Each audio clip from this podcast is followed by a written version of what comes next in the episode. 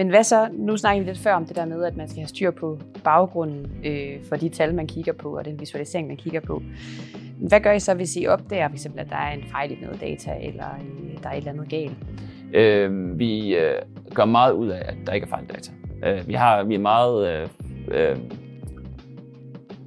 meget fokuseret på øh, det, vi kalder one version of the truth. Og det er at sige, det data, der kommer ud af BI centralt fra her, det er det rigtige data. Øhm, og vi har en masse processer, der måler op omkring det, hvor vi sammenligner data i løbet af vi, sige, vi har jo sådan, vi har jo sådan et, et døgnhjul, hvor vi siger, at vi, jamen, vi får data i løbet af dagen fra butikkerne. Øh, det er tilgængeligt for butikkerne i løbet af dagen, og det er i verificeret, at det er rigtigt. Øh, I løbet af natten, der får vi, øh, posterer vi så det her data, så det er klar til rapportering næste dag, så når man, man får, og der sammenligner vi jo hele tiden og sikrer, at det er det rigtige data, der kommer ind, og det er sammenligneligt med det, som vi så også poster ud på den anden side, så at man kan stole på det.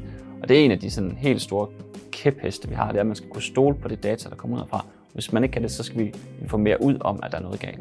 Og det har vi brugt rigtig meget tid på at, at, at, at understrege, at det data, der kommer, det kan man altså godt stole på.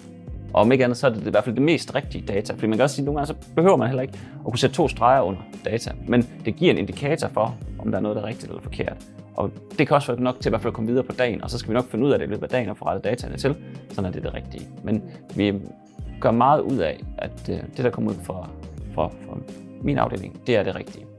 Øh, og det kan man stole på. Og ellers så sørger vi for at informere ud omkring, at man ikke kan det.